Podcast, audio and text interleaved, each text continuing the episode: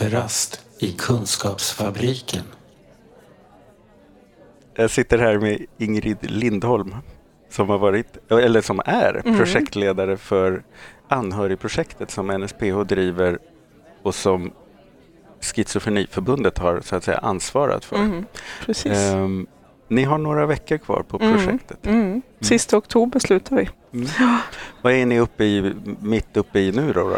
Ja, men just nu är vi ju mitt uppe i allting, nej, men att Mm. slutföra eh, allt. Så det är ju dels har vi en manifestation den 10 oktober eh, där vi ska lyfta anhörigas röster. Eh, det kommer vara ett av de största ballongsläppen ever. Eller i alla fall vad jag Okej. känner till, 500 ballonger kommer lyfta. Kom ihåg var ni hörde det först. Ja, precis. Ett av de största ballongsläppen ever. Ja, och så ska vi lämna över lite namnunderskrifter till Annika Strandhälls stab. Vi Mm. har ju samlat in 5000 nu. Mm. Så de ska lämnas in. Det kommer vara tal av anhöriga och lite musik. Men så vi har den, dels manifestationen och sen har vi inspirationsdagen för anhörigstöd den Mm. 20 Just det. eh, i Alvik 20 oktober. Och där kommer vi också medverka Mm. då vi berättar och summerar vad vi har gjort i Ja, projektet. just Den här manifestationen, vad är det själva uppropet kring? Vad, vad är sloganen? Ja, men eller? slogan är ju Vem hjälper den som hjälper? Mm. Syftet med det hela det är ju att uppmärksamma anhöriga situation. mm. Alltså, vi gjorde en stor enkätundersökning i början av projektet. Då det visade sig att det var 1394 som svarade Mm. och 48 procent av de anhöriga har själva drabbats av psykisk ohälsa. Eh, alltså det är ju en otroligt stor summa. Eh, och det visar att och många anhöriga, om man läser liksom svaren om- när vi intervjuat anhöriga så är det just att många anhöriga upplever att de drar ett väldigt stort lass. Mm. Eh, att kanske vården och stödenheter och landsting och kommun kanske inte samarbetar på det sätt som man skulle behöva som anhörig. Nej. Så man upplever att man måste vara den här koordinatorn själv. Så att hela liksom grunden i den här kampanjen är dels att uppmärksamma anhöriga situation men också att säga till många, för många går ju inte runt och identifierar, ja men jag är anhörig, jag behöver stöd för egen del. Så tänker man ju inte om man är nära någon. Nej, just det. Men, men vi Det- ser det här vi ser det här som ett sätt att säga till anhöriga att ja, men, hej, det finns faktiskt stöd och hjälp att få. Och det är bra att tänka på sig själv, även om det, liksom, du befinner dig i en svår situation med någon. Mm. Så är det ändå viktigt att du på något sätt fokuserar på att du också mår bra.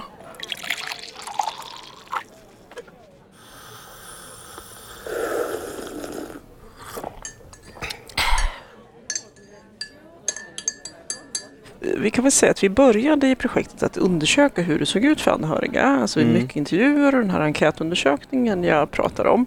För att få liksom, göra en kartläggning också och kolla vad finns det för forskning och hur ser situationen ut. Och egentligen allt pekar åt samma håll.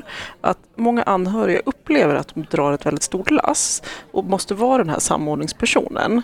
Eh, så det var liksom en grund och att många anhöriga själva mår dåligt. Och då har vi försökt utifrån det kolla, ja men vad, vad kan vi göra för att hjälpa? Mm. Eh, så vi har dels tagit fram tre olika filmer. Mm. Eh, dels en informationsfilm eh, som riktar sig till sociala medier. Eh, som handlar om information om liksom, anhörigskap. Mm. Eh, vad det innebär och hur många som är anhöriga. Andra filmen var en anhörigs berättelse. Mhm. Vi kände att det är viktigt för att många Mm. kanske behöver känna igen sig. Eh, och se hur, ja, men hur har andra människor det? För vi märker att det blir väldigt tydligt när någon berättar om sin situation så är det väldigt många som säger ja men så där har jag också upplevt det. De kanske inte går runt och tänker att ja, men jag är anhörig. Men de ser, ja men så där, det där känner jag igen mig i. Det här att inte att oroa mig hela nätterna eller har den här kommit hem nu eller eh, har mitt barn verkligen fått det där stödet den skulle ha fått? Eller, alltså väldigt mycket. Har min partner tagit medicin? Kommer Mm. den få en eh, psykos idag? Alltså, det finns så olika, så mycket mm, olika situationer. Och man Mm. kan bli väldigt stärkt av att förstå att ja, men här finns det andra partners till personer som är bipolära. Eh, och vi, har liksom, vi känner igen oss i de här sakerna. Vi kanske kan stötta varandra. Vi jobbar med anhöriga som Mm. en målgrupp, men också med personal som kommer i kontakt, till exempel anhörigkonsulenter och personal inom landstinget inom psykiatrin. Vet alla vad en anhörigkonsulent är? Nej, men det är jättebra att du säger det, för nej, det vet inte alla. Så här är det, i socialtjänstlagen så står det att kommunerna har ansvar att erbjuda stöd till anhöriga. Hela syftet är att anordna aktiviteter, eller ha samtal, eller stöd, eller vara lite samordningsperson. Men alla vet som sagt inte om att de här finns. Och det är ju ett, ett syfte vi har haft i projektet, att uppmärksamma Mm. dels den här rollen som är väldigt viktig och det görs otroligt mycket bra saker ute i hela Sverige. Mm. Men också att kanske alla kommuner inte tar det här på allvar Nej. och inte riktigt har Ja, men man, man kanske har en tredjedelstjänst eller en halvtjänst eller tänker att ja, ja, men det där med psykisk ohälsa behöver vi inte prioritera. Mm. Så vi trycker ju mycket på att det här är någonting som man behöver prioritera i hela landet och det behöver verkligen prioriteras mer än man gör. Mm. Vi har haft Dalarna som pilotlän och där Mm. träffade vi alla anhörigkonsulenter eh, för att se hur, ja men dels hur de upplevde att liksom kontakten med psykisk ohälsa var, alltså personer med psykisk ohälsa och Mm. deras anhöriga, men också deras kompetens. Och det var väldigt många av dem som sa att ja, men vi vet ingenting om psykisk ohälsa. Vi, vi, kan ingenting och vi, tycker, vi vet inte hur vi ska hitta dem. Nej. Hur ska vi hitta de anhöriga? Eh, och det var då vi kom på idén till den här handboken för anhörigkonsulenter som vi har tagit fram. Eh, och det började då, och i utformningen har ju anhörigkonsulent varit med, personer från eh, psykiatrier men också framförallt anhöriga varit med i utformandet av den här handboken. Mm. Men det är egentligen det är liksom en basic grundbok Ja. för liksom, psykisk ohälsa och anhöriga. Ja, just det. Har, hur, hur har den tagits emot? Väldigt bra, väldigt bra. Vi insåg ju ganska snart att i och med att man är ett projekt som kommer ta slut. Eh, ja, ja, men så är det ju. Det, man, man vet att det här är tre år och då får vi försöka göra så mycket vi kan. Så var vi ganska från början att det här är någonting som behöver implementeras och leva hos anhörigkonsulenterna själva Mm. och deras uppdragsgivare. Så vi, vi gjorde en utbildning för att utbilda. Ah, ja. Ja, Mm. så, att, så att vi träffade alla, alla län utom två var representerade från hela Sverige. Eh, och vi höll den här utbildningen och sen fick de i uppdrag att vara den här utbildaren inom sitt län. Så då har ni nått ut i nästan hela landet? Då? Ja, i stort sett så ska under nu 2017 så ska eh, alla län, alla anhörigkonsulenter i hela Sverige ha fått den här utbildningen. Kafferast i Kunskapsfabriken. Jag har träffat så många fantastiska anhörigkonsulenter och det Mm. finns så många som, som jobbar aktivt. Jag vet flera, mm, ja, men i Dalarna har vi träffat många och på den här utbildningen med Mm. alla från hela länet så så många fantastiska människor som gör så mycket bra saker och så Mm. mycket bra tips man kan ge varandra. Eh, Det var en som berättade så här att när de, när de har, eh, ska anordna en anhörigkväll, vill att anhöriga ska komma dit, så, har de, så börjar de med så här, anhörigkväll för dig som Mm. känner någon med, med Asperger eh, eller autism eller ätstörningar. Men det kom nästan ingen. Mm. Och när de ändrade det till informationskväll så, då hände någonting. Då var det massa spännande. människor som kom. Och det där tyckte jag var en så himla bra idé. Mm. Och jag tänker att det är de här sakerna vi behöver dela med oss. Mm. Eh, så jag upplever, jag upplever att, att det händer otroligt mycket bra saker. Mm. Eh, många som samarbetar med psykiatrin och alltså verkligen och intresseorganisationer och verkligen byggt nätverk och träffar varje, Mm. varje månad. Och liksom man, man, man verkligen fångar upp och hjälps åt att, att stötta. Hur vet vi vad som är bra? Hur vet vi att det blir bättre? Jo, jag tänker, och det är ju mycket den här vårdfilmen vi har tagit fram. Det, det är ju mycket det där att visa på, på sätt att, att inkludera anhöriga om patienten själv vill. Mm. Eh, det var ett himla bra exempel. Jag var på Gunilla Marteny. Känner du till? Hon kallar sig själv eh, anhöriggalning. Hon har skrivit flera böcker om anhöriga. Ja, men hon är, hon är fantastisk. Hon är, fa- Ja. ja, men hon är fantastisk. Hon har skrivit flera böcker om anhörigskap. Och gav ett sådant exempel om en, en man som hade vårdat sin, sin fru i många år. Hon hade både psykisk ohälsa och tror jag en, en, en fysisk funktionsnedsättning. Eh, och sen skulle då hemtjänstpersonal komma in och kanske, ja men det var flera, flera olika enheter. Och han var så otroligt och personalen kände sig så otroligt eh, nervösa för han bara satt och kollade hela tiden. De kände bara så här, men snälla nån, nu är vi ju här, nu kan han ju gå härifrån. Man satt bara och stirrade och stirrade och stirrade. Till slut var det en som hade gått på Gunillas utbildning och som hade fått lära sig det här, ja men ställa lite anhörigfrågor. Så då var hon så där, så kom hon dit och lite nervös och där, pratade med den här mannen. Så här, du, eh, ursäkta, jag måste liksom, vad, vad behöver du och, och vad, vad, känner du och liksom, vad skulle du behöva? Då var hon så här, alltså jag, jag, jag, kan inte låta bli. Jag måste liksom sitta här. Jag känner att jag behöver kontrollera. Jag har ju tagit hand om henne i 15 år själv. Och sen se att ni gör och ni lyfter. Jag vet att hon har så ont i sin vänstra höft. Så att jag tänker bara så här. Jag skulle önska att ni bara kunde hjälpa henne. Och liksom, för att man måste knixa till på ett speciellt sätt för att det inte ska göra så ont för henne. Eh, och Det där tyckte jag var så otroligt talande, att han har information men han vill inte stöta sig med dem. Han vill inte känna sig nu ska jag gå in och säga vad vårdpersonalen här ska göra. Eh, men han kände att, så, så, att jag ligger lågt, men han kunde liksom inte låta bli den här kontrollerande, han måste på något sätt kolla att, att det gick bra.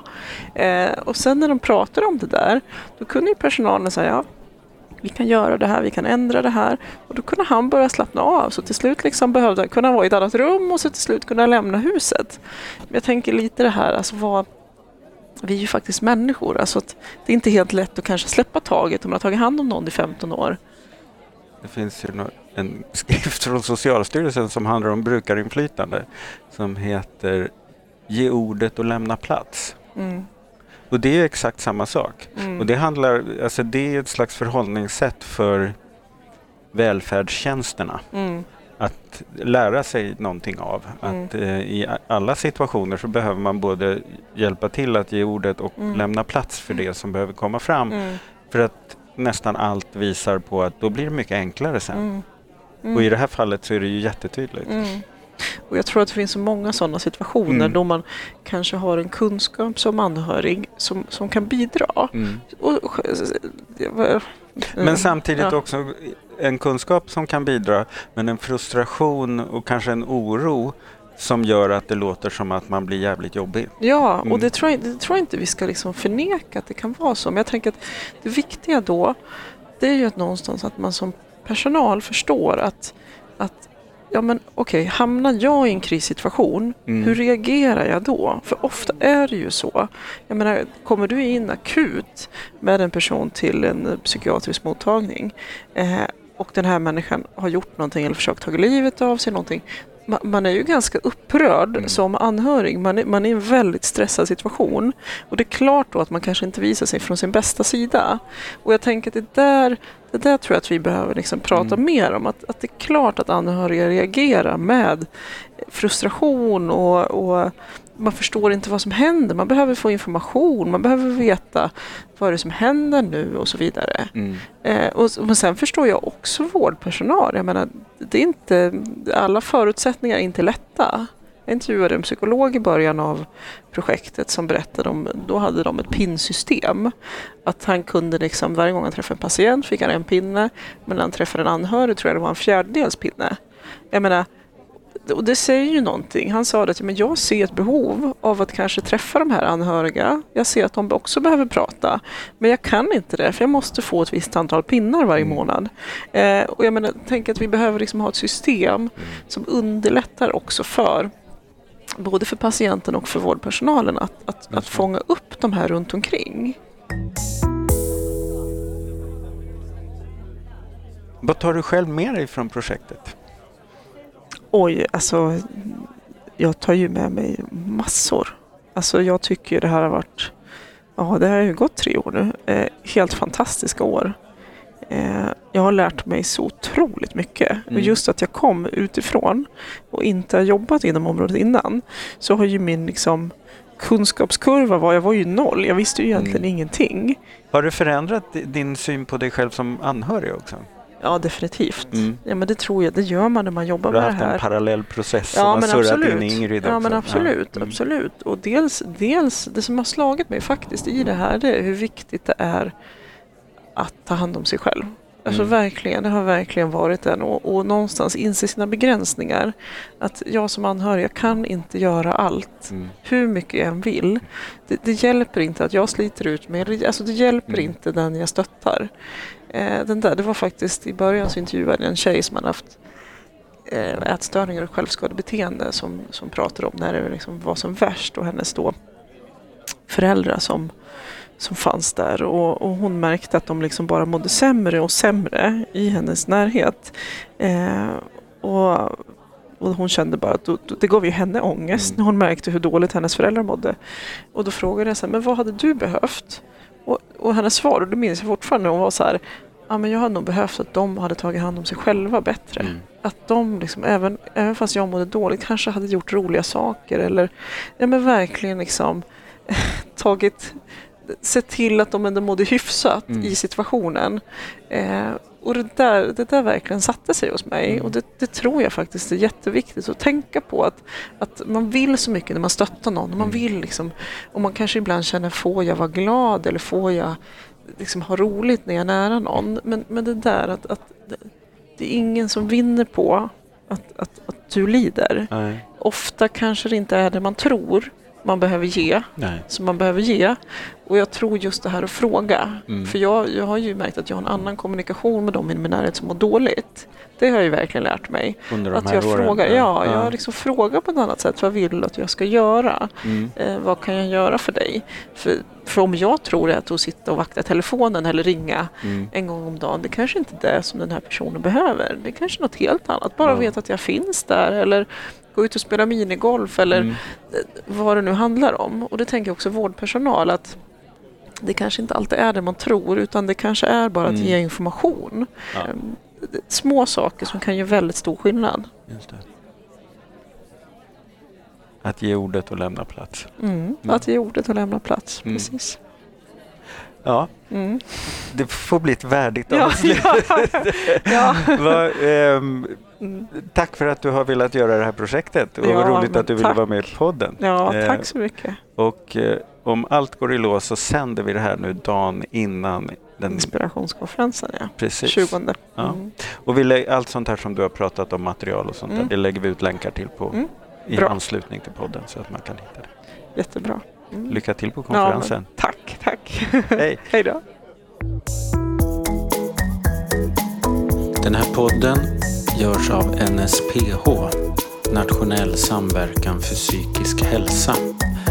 Läs mer på vår hemsida www.nsph.se eller följ oss på Facebook, Kafferast i Kunskapsfabriken.